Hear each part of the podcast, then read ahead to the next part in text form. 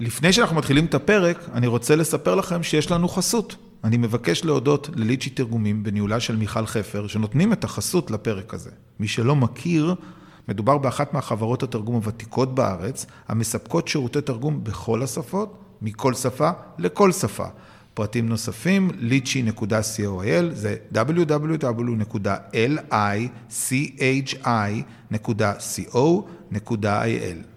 יאללה, מתחילים.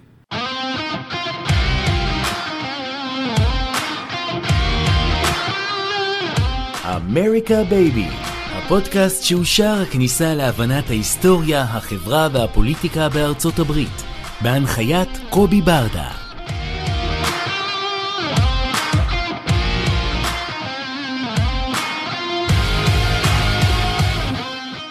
ברוכים הבאים לעוד פרק שלנו בפודקאסט אמריקה בייבי, והיום יש לנו את הכבוד, העונג והשמחה הגדולה לארח, בפעם הראשונה לדעתי, עם ה title דוקטור, נכון? תקני אותי אם אני טועה, נכון, זה נכון? נכון. פעם? כי זה משהו טרי וחדש, דוקטור לורן דגן עמוס, שנינו כדוקטורנטים בקווים מקבילים, אחד מחזק את השני, הנה אחת כבר הצליחה לחצות את קו הסיום, אני עדיין uh, מחכה בשיפוט שלי לסיים יחד איתו. אז קודם כל מברוק, עוד לפני שאנחנו מדברים על כל דבר אחר, מברוק, איזה כיף. תודה רבה אה, רבה. אנחנו נדבר היום על הנושא שהוא תחום המומחיות של לורן, שזה עולם ההודי. אנחנו ננסה לחבר אותו לאמריקה, כי זה בעצם הפיבוט של הפודקאסט שלנו, ננסה להסתכל איך אפשר לחבר את זה למלחמות עם סין, ואם בסוף גם נצליח לדחוף את ישראל כמו שתמיד אנחנו מצליחים לדחוף את ישראל, על הכיפאק. אז הנה אנחנו מתחילים. הייתי רוצה להתחיל איתך בבייסיק, אוקיי? כאילו, יש לך תחום שלא מרבים לדבר עליו בציבוריות הישראלית. לא הרבה מכירים את הדמוקרטיה הגדולה ביותר בעולם, לדעתי שבוע שעבר או לפני שבועיים, אה, היא הפכה כבר גם למדינה הגדולה, ולא רק הדמוקרטיה, שזה היה תמיד הביטוי המשומש כזה שתמיד אמרו, אה, כדי להבדיל אותה מסין, לדעתי היא כבר גם עברה את סין, ככה קראתי בשבוע שבועיים האחרונים.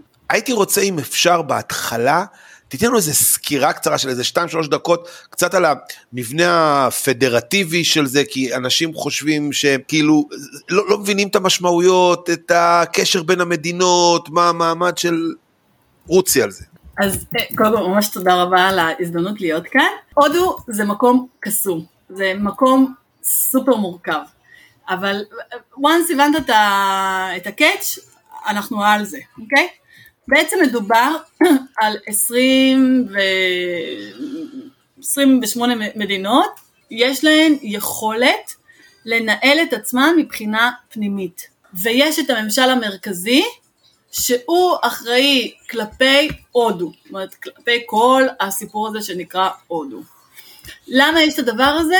כי הודו בעבר הייתה מחולקת לנסיכויות, והיא הייתה מלא שנים תחת שלטון זר. אם זה המוגולים, אם הבריטים מאה שנה שלטו שם. כמו תמיד אנחנו מכירים שזה תזכורת, זאת אומרת זה עניין של משהו מסורתי, משהו של העבר. זו מדינה שהרעיון בה זה, זה לא המפה, אלא זה הקסטה, ומאיפה אתה מגיע, זאת אומרת זה משהו הרבה יותר בסיסי. אה, הודו היא מדינה שהאזרחים בה אה, מקוטלגים לפי ההשתייכות המשפחתית שלהם, התרבותית שלהם, אה, לפי המעמדות. זאת אומרת זה אפילו לא רק התרבות, אלא גם אם אתה במעמד הגבוה, במעמד הנמוך, במעמד הביניים. זו תפיסה דתית. זו תפיסה שמדברת על זה שכדי לקבל את שחרור החיים, כדי להגיע למצב הזה, אז אני צריך לעבור גלגולי חיים, אני צריך לעבור מקסטה לקסטה, ורק בסוף אני אגיע לשחרור. עכשיו, אני יודעת שזה יכול להישמע מאוד מוזר לתרבות המערבית, אבל גם בתרבות המערבית יש דברים מוזרים. להאמין באל אחד?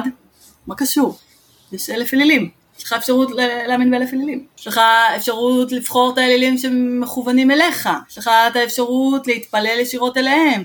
אז גם בתרבות, זאת אומרת אם אנחנו מסתכלים על התרבות המערבית, אנחנו, אני התרבות האינדית, אנחנו גם מסתכלים עליכם באופן מאוד מאוד מוזר.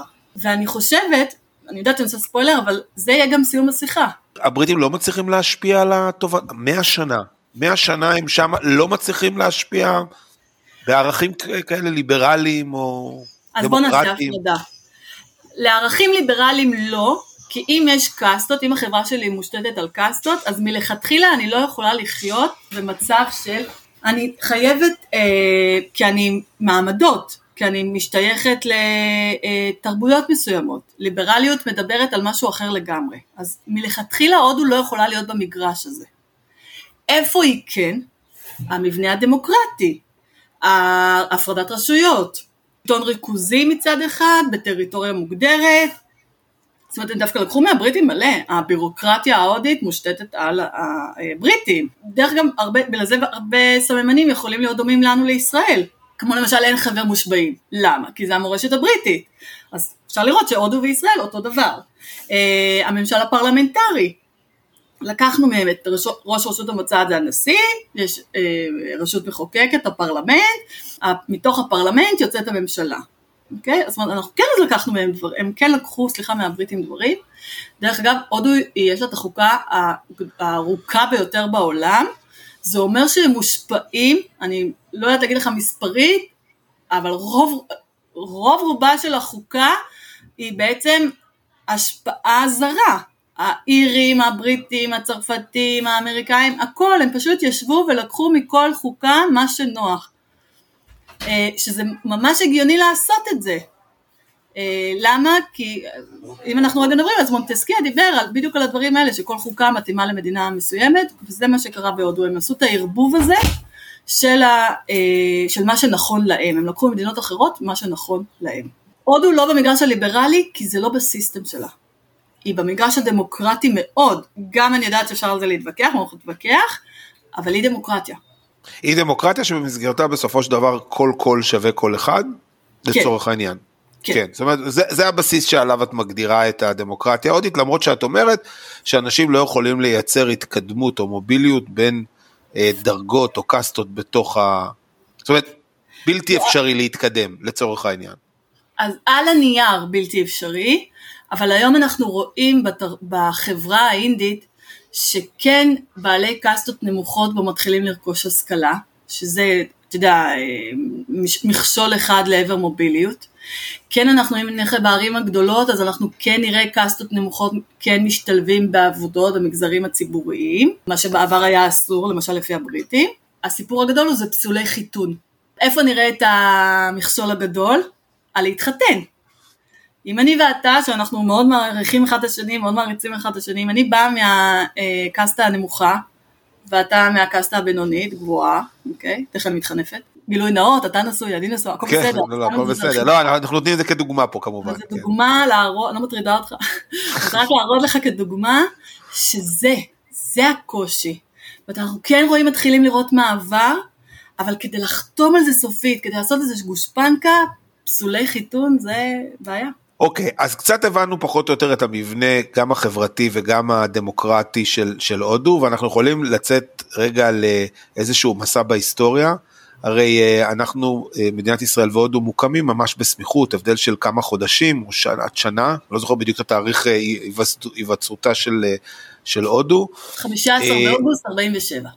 אוקיי, אז כמה חודשים לפני, אה, עשרה חודשים לפני, תשעה חודשים לפני, אה, ובעצם אנחנו אה, הולכים לכיוון אחד, והם הולכים לכיוון אחר. זאת אומרת, בעוד שישראל מתחילה את המסע החתירה שלה לעבר ארצות הברית, מסע שמתגבש ב, ב, בתחילת שנות החמישים ומתעצם ממש בשנות השישים, הודו ידועה ומוכרת עד היום בזכות הניטרליות שלה. היא משתדלת שאף גורם אה, יפרוס עליה מרצון או אם מרצון את החסות שלה, אנחנו מדברים לא ברית המועצות דאז, מה שנקרא רוסיה היום, לא ההשפעות בקרבה כמו סין, וגם לא ארצות הברית, נכון?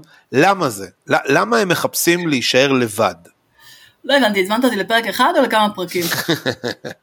אז הפרק הראשון יעסוק בזה שכשהודו אה, מקבלת את העצמאות שלה ב-15 באוגוסט 47 מהעול הקולוניאליסטי, מהעול הקולוניאליסטי, תכף תבין למה, והיא עברה מאבק לאומי, במסגרת המאבק המוסלמים והאינדים נפרדו רעיונית, כי האינדים ראו מדינה חילונית, דמוקרטית, והמוסלמים רצו מדינה מוסלמית שריעה.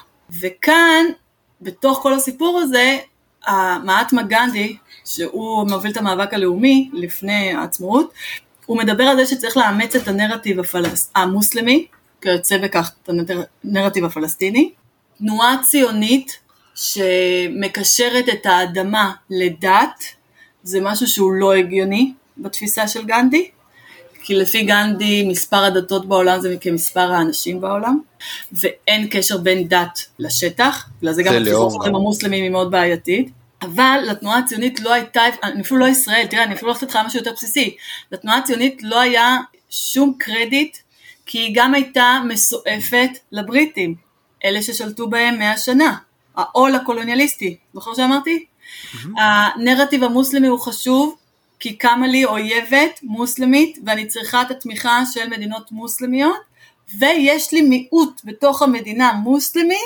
שאני חייבת להרגיע אותו.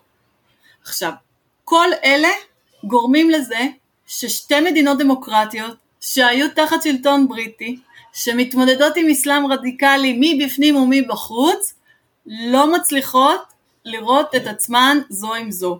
שבדרך אגב ישראל דווקא מאוד באופן עקבי רוצה את התמיכה של ההודים ומאוד תומכת בהם, אבל העוינות ההודית היא מאוד מאוד ברורה.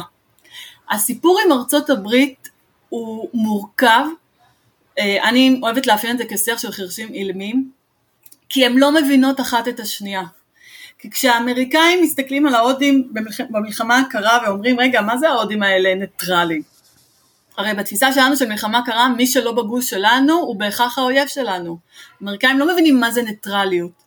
ההודים זה הינדואיזם, זה מאבק לאומי, ללא, אה, ללא אלימות, זה מדינה על סף פשיטת רגל, זה מדינה שהבריטים יופי שהם עשו תשתית דמוקרטית, אבל מזון, השכלה ודברים כאלה לא סיפקו לילידים נקרא לזה. ולכן האמריקאים לא מצליחים להבין מה זה הניטרליות הזאת, מה זה אומר, איך אפשר להרוויח מכל העולמות, איך אפשר לבקש סיוע גם מהאמריקאים וגם מהסובייטים. ההודים זה לא גם כן אה, סט הרי ב-71 יש את הסכם הידידות בין הודו לבין ברית המועצות, עכשיו זה כמובן קורה כי האמריקאים בוחרו בסוס הפוקיסטני, במשך שנים הם ישבו ומימנו אותם, ועבור ההודים, שאתה מממן את האויב שלי, אתה בהכרח נגדי. אז הנה עוד פעם, זה, זה, תחיל, זה תחילת הקשר של מכירת הנשק הסובייטי להודו? כן, כן. מה שקורה ב-71, שהסכם הידידות הזה אומר בעצם שברית המועצות מספקת להודו נשק, מזון ו- ודיפלומטיה. אלה שלושת הדברים הכי חשובים להודים. בטח שהעוינות מול הפקיסטנים הולכת ועולה, בטח שגם המצב הכלכלי בהודו לא כל כך משתפר.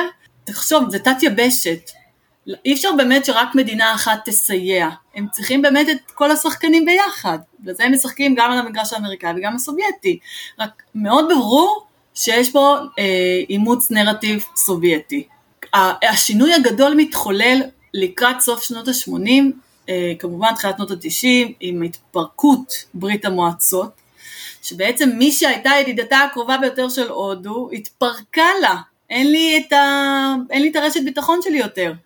והעולם נצבע בצבעים מאוד ברורים, יש מעצמת על מאוד ברורה שנקראת אמריקה, התרבות המערבית ניצחה באופן מאוד ברור, ההודים עושים חישוב ומבינים, אוקיי, זה הזמן לעלות על העגלה. מה זה העגלה? התרבות המערבית. לא רוצים להיות תרבות מערבית, אבל אני צריכה את התרבות המערבית כדי להתקדם כלכלית. אז זה אומר שמבחינת שוק כלכלי אנחנו עוברים מסוציאליזם לקפיטליזם, אנחנו פותחים את השוק, יבוא, ייצוא, השקעות, וזה אומר וושינגטון. ואיפה עוברים דרך וושינגטון? אני לא יודעת אם אתה יודע גיאוגרפיה, אבל עוברים דרך ירושלים. דרך כן. אייפאק. כשאתה רוצה להתקרב למקום מסוים, אתה צריך לזהות מי הפרטנרים.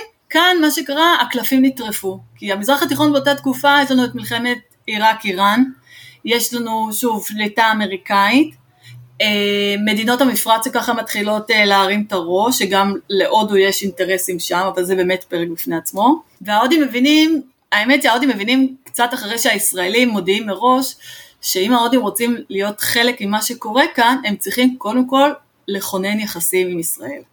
אז אני רק אשים בסוגריים שהודו מכירה בישראל רק בספטמבר 1950. היחסים הדיפלומטיים הם בדרג הכי נמוך שיש, הקונסוליה נפתחת בבומביי, בומביי של היום, סליחה בבומביי, בומביי של היום, סליחה, וזה נקרא סיביר של הדמוקרטיה, וב-28 בינואר 1992 נפתחה, נפתחת שגרירות בדלהי, יחסים מאוד... משתמש, הם משתמשים אה, בסיפור של אוסלו כמנוף או בלי שום קשר? ועידת מדריד. ועידת מדריד. ועידת אוקיי, מדריד. זאת אומרת, כאילו- נכון, אוסלו מגיע הטיקט לוועידת. מדריד עובר דרך כינון היחסים עם ישראל. זאת הייתה הדרישה הישראלית, וזה מה שקרה. עכשיו, מה שקורה הוא, שבאותה תקופה, היחסים, זה ישראל וארצות הברית, היחסים בשנות ה-90 הם מאוד סטטי. איפה זה משתנה? אני אעשה רגע ספוילר, הדבר הכי גרוע שקרה להודו, יצא הדבר הכי טוב שקרה לה. אני מסבירה. ב-98 יש ניסוי גרעיני. גם של הפקיסטנים וגם של ההודים. מה שקרה הוא שבמשך שנים ארצות הברית הסתכלה על הודו מאוד בחשדנות, ופקיסטן כאמור היא הייתה הבחירה שלה, ובפעם הראשונה בהיסטוריה ארצות הברית מגיבה להודו ולפקיסטן באופן שווה. עכשיו תגיד לי, אוקיי לורן, מה הסיפור הגדול? אבל זה הסיפור הגדול. זה השווה הזה. זה היכולת לראות את הודו ופקיסטן כשחקניות שוות, וזה אומר שהודו באופן מאוד פרדוקסלי השתדרגה. כי אם לא התייחסנו אליה עד עכשיו, אז הנה עכשיו אנחנו מסתכלים עליה באופן שווה. האמברגו שארצות הברית הטילה על הודו ופקיסטן, עשו, זה עשה להם את הדבר הכי טוב שיש. קלינטון לראשונה מגיע להודו. כאן בעצם נסלל הדרך להסכמי הגרעין של 2005-2008, שבעצם אה, האמריקאים כבר מבינים את היכולת הגרעינית של הודו, מבינים שזה הסיטואציה, יש פה שתי מדינות בעלות נשק גרעיני, הן מתווכחות על שטח, אנשים נוטים לחשוב שסכסוכים אחרים במזרח התיכון הם הסכסוכים הכי קשים, אבל אנחנו מתבלבלים לחלוטין. יש פה סכסוך עקוב מדם, שתי מדינות, עם פוט... זה לא פוטנציאל גרעיני, גרעיניות שנלחמות על שטח. אם אתה לא רוצה לישון בלילה, תחשוב על זה. אם אתה רוצה לישון בלילה, תחשוב על סכסוכים אחרים. ומה שקרה שהאמריקאים מבינים את הדבר הזה. עכשיו, עוד דבר טוב שקרה, 9-11. אני יודעת, ציניות. אה, אני יודעת שזה נורא, ובאמת כואב לי הלב, אבל זה הדבר הכי טוב שקרה להודו. 9-11 בעצם מאיר את האמריקאים משנתם, ומסביר להם שהבחירה בפקיסטנים הייתה טעות נוראית, כידוע, אל-קאעידה, בן לאדן, ישב שם, ויש פה מדינה שהיא הדמוקרטיה הגדולה בעולם, שמתמודדת עם טרור אסלאמי. אחד ועוד אחד, זהות אינטרסים. כל הדברים האלה דוחפים את האמריקאים להבין שהודו היא נקודה חשובה. ששווה לדבר על המקום הזה. הבעיה היא בפרקטיקה. ממשל בוש, הבן, הולך להסכמי גרעין, מכיר בהודו, הכל טוב ויפה.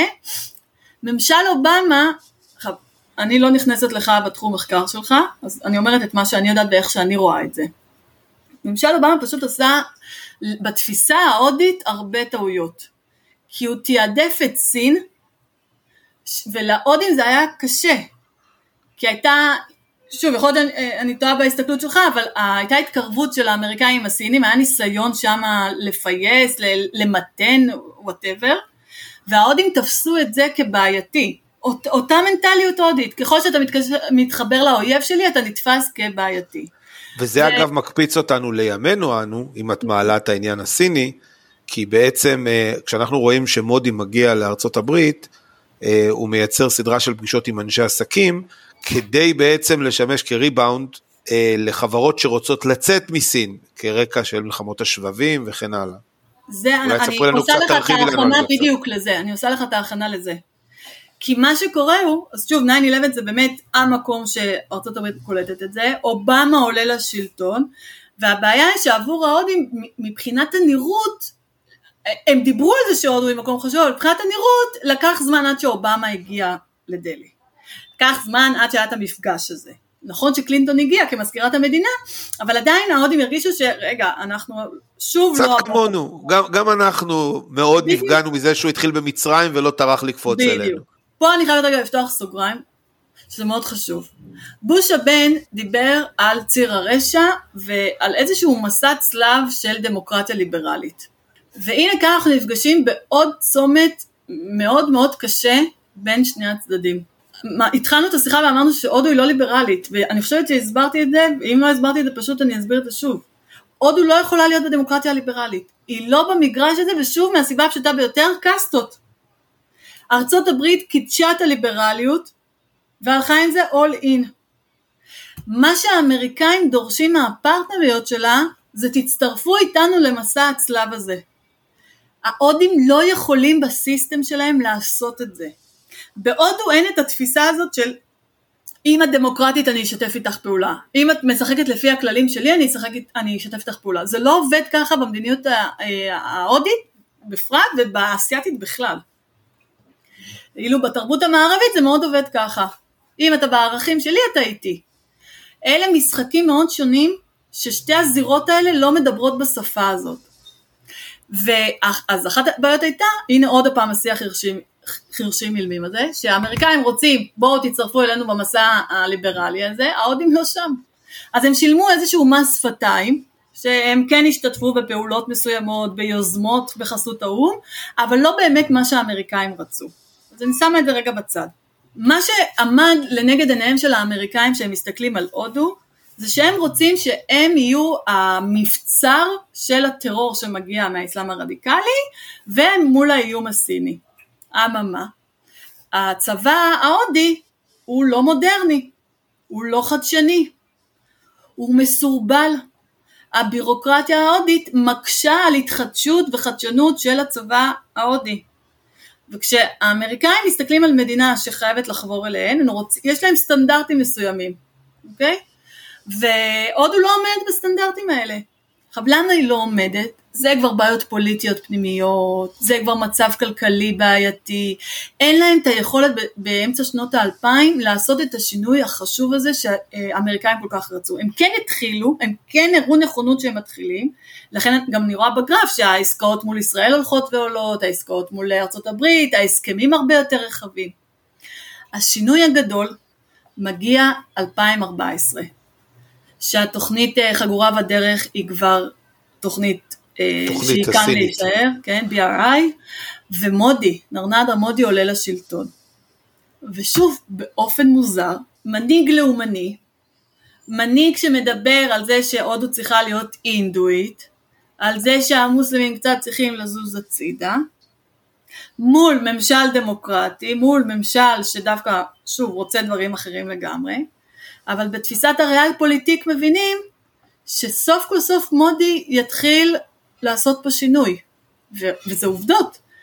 תקציב הביטחון גדל, ההשקעות בחדשנות, ההשקעות במודרניזציה של הצבא, של אה, קידום, אה, למשל אנחנו היום רואים שתקציב של חיל הים עלה ב-20% משנים שקדמו, וזה אומר שיש חידוש, יש רצון להתקדם, ועבור האמריקאים זה מסמל דברים טובים. ושוב, ככל שהאיום הסיני עלה בעשורים האלה, הודו נתפסה יותר ויותר אטרקטיבית. התמזל מזלו של מודי וטראמפ הגיע לשלטון ב-2016. ואז לכאורה יש לנו שני מנהיגים שמדברים באותה שפה, שיוצאים נגד הממסד, שמדברים אל העם, אל ההמון, שמייצגים את עצמם כמושיעים של האומה. רק יש הבדל אחד, מודי מגיע עם אג'נדה מאוד מאוד ברורה, שוב, אני לא מומחית אמריקאית, טראמפ בתפיסה שלי לא הגיע עם אידיאולוגיה כזאת, ולכן אני לא נוהגת לכנות את מודי, כמו שנוהגים במחקר האקדמי, להגיד אה, פופוליסט. בזווית, מהזווית ראייה שלי מודי הוא לא פופוליסט, הוא עם אג'נדה מאוד ברורה. מה שהוא רוצה, הוא מאוד ריאל פוליטיק. למה זה יצר כן יתרון? כי ממשל טראמפ לא התעסק עם, עם, ממשל, עם הממשל בהודו על הסיפור של המוסלמים. על הליברליות. הליברליות. על זכויות אדם, על מוסלמים, על קאסטות וכולי וכולי. ולכן מודי ביסס איזושהי מדיניות מאוד מסוימת, פנימית, שלממשל האמריקאי היה אפשר לחיות עם זה בשלום. אבל לא למפלגה הדמוקרטית, שאנחנו ראינו אותה יוצאת בשצף קצף, נגד הגעתו של מודי, אה, אה, והטענה היא טענה באמת של הפרה של זכויות אדם ליברליות. נכון. ומה שקרה באמת ב-2022 מגיע ממשל ביידן, ממשל דמוקרטי. אני, שוב, כחוקרת, אתה, אתה צריך להבין, אני יושבת ב, פה בישראל הקטנה, מעבר, בעד למסך המחשב, וכשאני ראיתי שממשל ביידן עולה, אמרתי, באסה להודים. כי אני יודעת שאחד ועוד אחד שווה שתיים, דמוקרטים שווה בעייתיות להודו. כמו סעודים. כן, רק אני כנראה לא הערכתי נכון את האיום הסיני. כי מה שקרה הוא, בניגוד לתחזית, בניגוד לתיאוריה, ממשל ביידן שהוא ממשל דמוקרטי, שמקדש את הערכים הליברליים, ואני לא אומרת את זה בציניות, אני, זה פשוט מה שהם עושים, אה, מצליח להעלים עין מפעולות מאוד מסוימות שההודים עושים כלפי המוסלמים. והם מבינים שבשם האיום הסיני, ואם אנחנו קופצים קדימה לפברואר 22, רוסיה אוקראינה, אה, מלחמת רוסיה אוקראינה, הודו היא שחקנית שקשה לנו לאכול אותה, התפיסות והאג'נדות הן מאוד בעייתיות, מאוד לאומניות, אבל בשם הריאל פוליטיק אנחנו נעשה הכל. והנה קפצנו ליוני 2023. אנחנו בעיצומו של מפגש פסגה, מודי מגיע לארצות הברית. אה, אני יכולה לתת רגע שתי אנקדוטות היסטוריות? בוודאי. אה, מודי היה שר השרים של מדינת גוג'ראט, אמרנו מדינות יש להם את האוטונומיה כלפי פנים, ובמדינת גוג'ראט ב-2020, סליחה ב-2002 היו מהומות הדתיות מאוד מאוד קשות. מודי נתפס כאשם כי הוא לא, כשר השרים הוא לא כל כך מיהר להגיש עזרה להרוגים ולפצועים המוסלמים. ארה"ב ראתה את זה בעין קשה ובמשך שנים הוא היה מסורב גרין, אה, כניסה לארה"ב. כהונתו של אובמה, מודי מגיע לשם לראשונה כראש ממשלה, הוא מקבל את האישור כניסה, והאנקדוטה השנייה היא שכשהוא מגיע לארוחה עם ברק אובמה, הוא מוודא שזה יום צום, והוא מוודא שהוא שובר את הצום בארוחה עם נשיא ארצות הברית. תכף נחזור למה זה כל כך חשוב. אנחנו קופצים ליוני 2022, מודי רוקסטאר.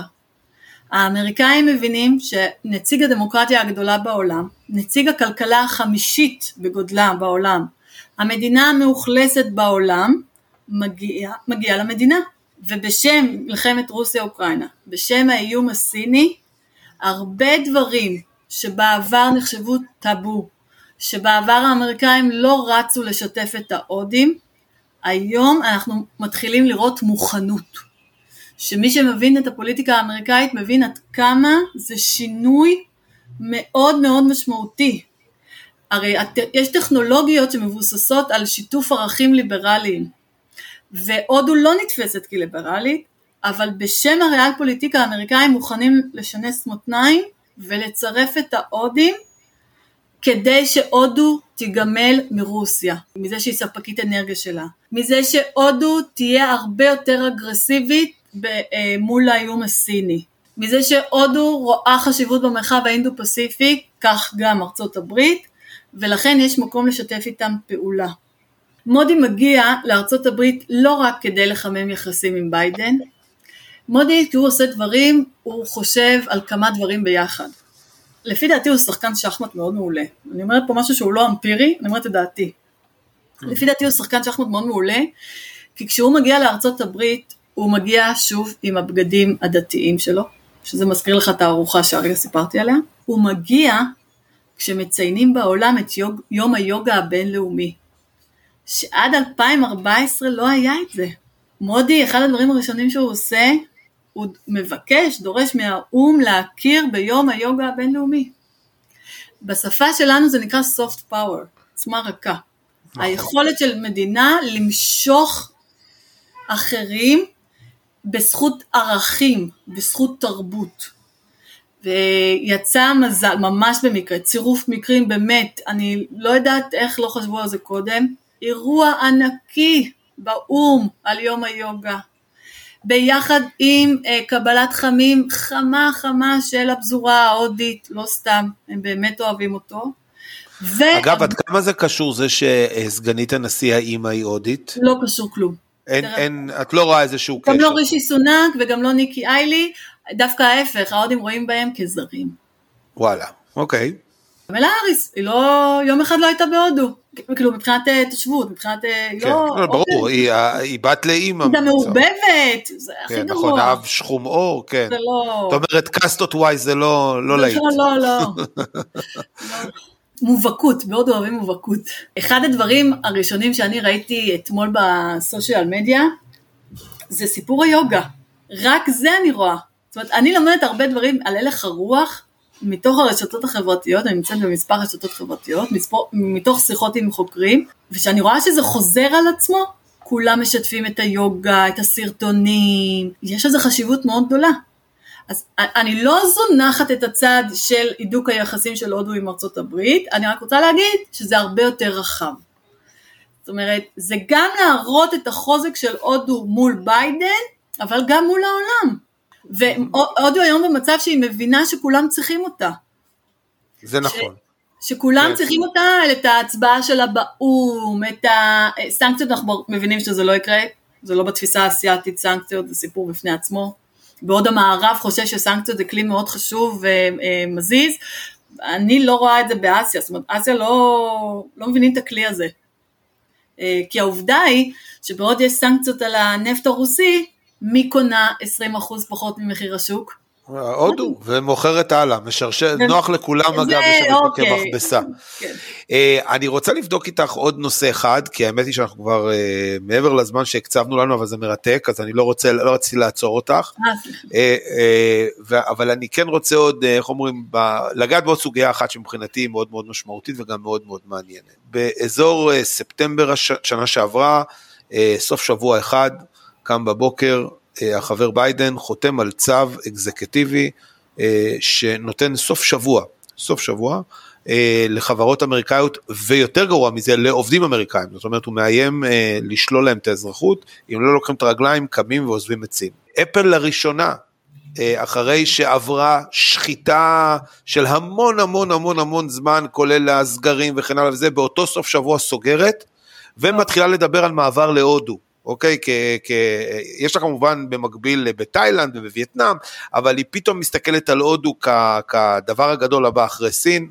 אנחנו רואים עכשיו בסיור של מודי, אה, שהוא נפגש עם אילון מאסק והוא מדבר על אה, העתיד של הטסלה שם. תני לי קצת נאצ'ל מה שנקרא, איך הודו הולכת ליהנות ממלחמת הענקים, הגוג ומגוג בין ארצות הברית לסין. איך, איך היא נכנסת שם בתוך הפער והולכת לעשות סיבוב יפה?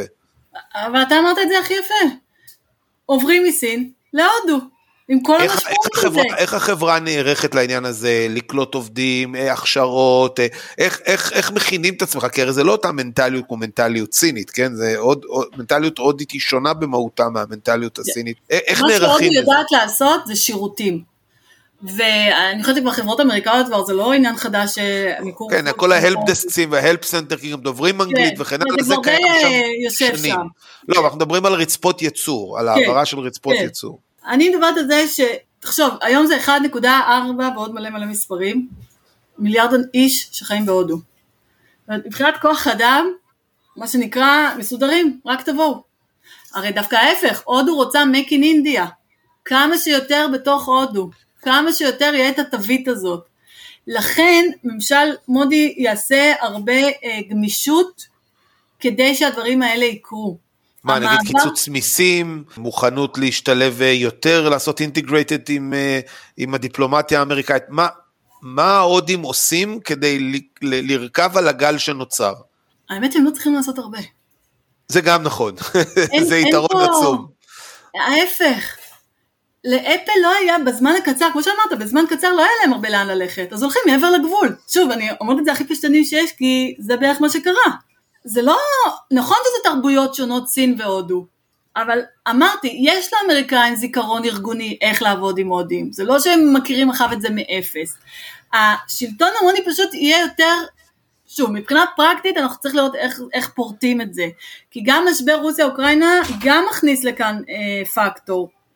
כי אה, למשל משבר רוסיה אוקראינה גורם לחימוש יתר, אז היום פחות קצת אטרקטיבי למכור להודו, אז יצטרכו להיות איזה שהם התאמות פה, אז גם מבחינת עסקים, היום, אנש... האמת שגם קצת לפני משבר רוסיה אוקראינה, אנשי העסקים יותר ויותר פונים לכיוון המערבי, זאת אומרת יש נכונות, אני רוצה להגיד בזמן הקצר שיש נכונות, זה מה שחשוב לפי דעתי להגיד, שכל הפרוטות האלה זה דברים שאפשר להסתדר איתם, אבל החשוב הוא שיש נכונות וחשיבות מאוד גדולה שזה יקרה כי זה מספק עבודה וזה מספק יוקרה.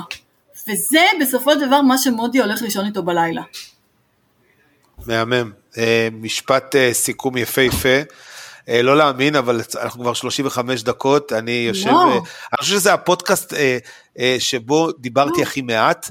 אוי, סליחה. אה, לא, כי אני כל כך, אה, אה, ריתקת אותי, הנושא מרתק, האופן שאת מגישה אותו, האופן שאת ככה מתווכת את ה... את ה למי שלא כמוני, בעוונותיי, מכיר את העולמות ההודיים, עשית את זה בצורה יוצאת מהכלל, מדהימה, מרגשת. בינתיים מי שעוזר לי למצוא מידע בטוויטר זה אתה, אתה עוזר המחקר הכי טוב שיש לי. זה מהצד האמריקאי, הצד ההודי הוא כולו שלך, אני רק רוצה להסב את תשומת ליבך לכל מיני תופעות מאוד מעניינות בשולי העניינים של. הקרבות הדמוקרטיים, הקרבות הדמוקרטיים רפובליקניים, אה, ולהגיד לך באמת, המון המון תודה שהתארחת פה, היה פשוט מרתק, כיף. תודה. אנחנו נצטרך כנראה לעשות את זה עוד איזשהו פרק בהמשך, כשנגמור את הסיבוב הראשוני של כל האנשים שאני נורא רוצה לשמוע את התובנות שלהם על איך הם מתממשקים לעולם של ארה"ב. להגיד לך שוב תודה רבה. אה, תודה לך ו- see- תודה רבה. ושוב פעם המון המון המון מזל טוב ומברוק על הדוק. נמסטה. אז אה, נמסטה, בזה נסיים, תודה רבה. תודה רבה שהאזנתם לפרק הזה. אתם יכולים למצוא אותנו בכל האפליקציות של הפודקאסטים, דוגמת ספוטיפיי, אפל, גוגל פודקאסט ועוד. ושוב, המון תודה לליצ'י תרגומים בהנהלת מיכל חפר, בית לשירותי תרגום בכל השפות על חסותם לפרק זה, שניתן למצוא באתר lichy.coil, זה www.lichi.co.il.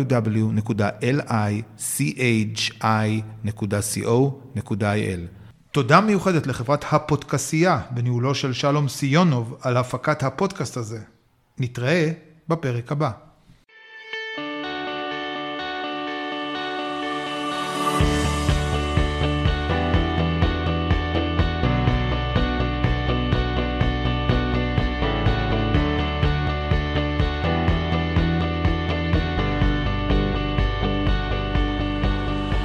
קובי ברדה הוא דוקטורנט להיסטוריה פוליטית אמריקאית באוניברסיטת חיפה. מלגאי בקתדרת חייקין לגאו-אסטרטגיה והחממה הדתית באוניברסיטת חיפה. ומחבר הספרים המפתח להבנת טראמפ ו-Grassroots Path to Congress. מחקריו מתמקדים בשדולות למען יחסי ישראל-ארצות הברית ובפוליטיקה אמריקאית.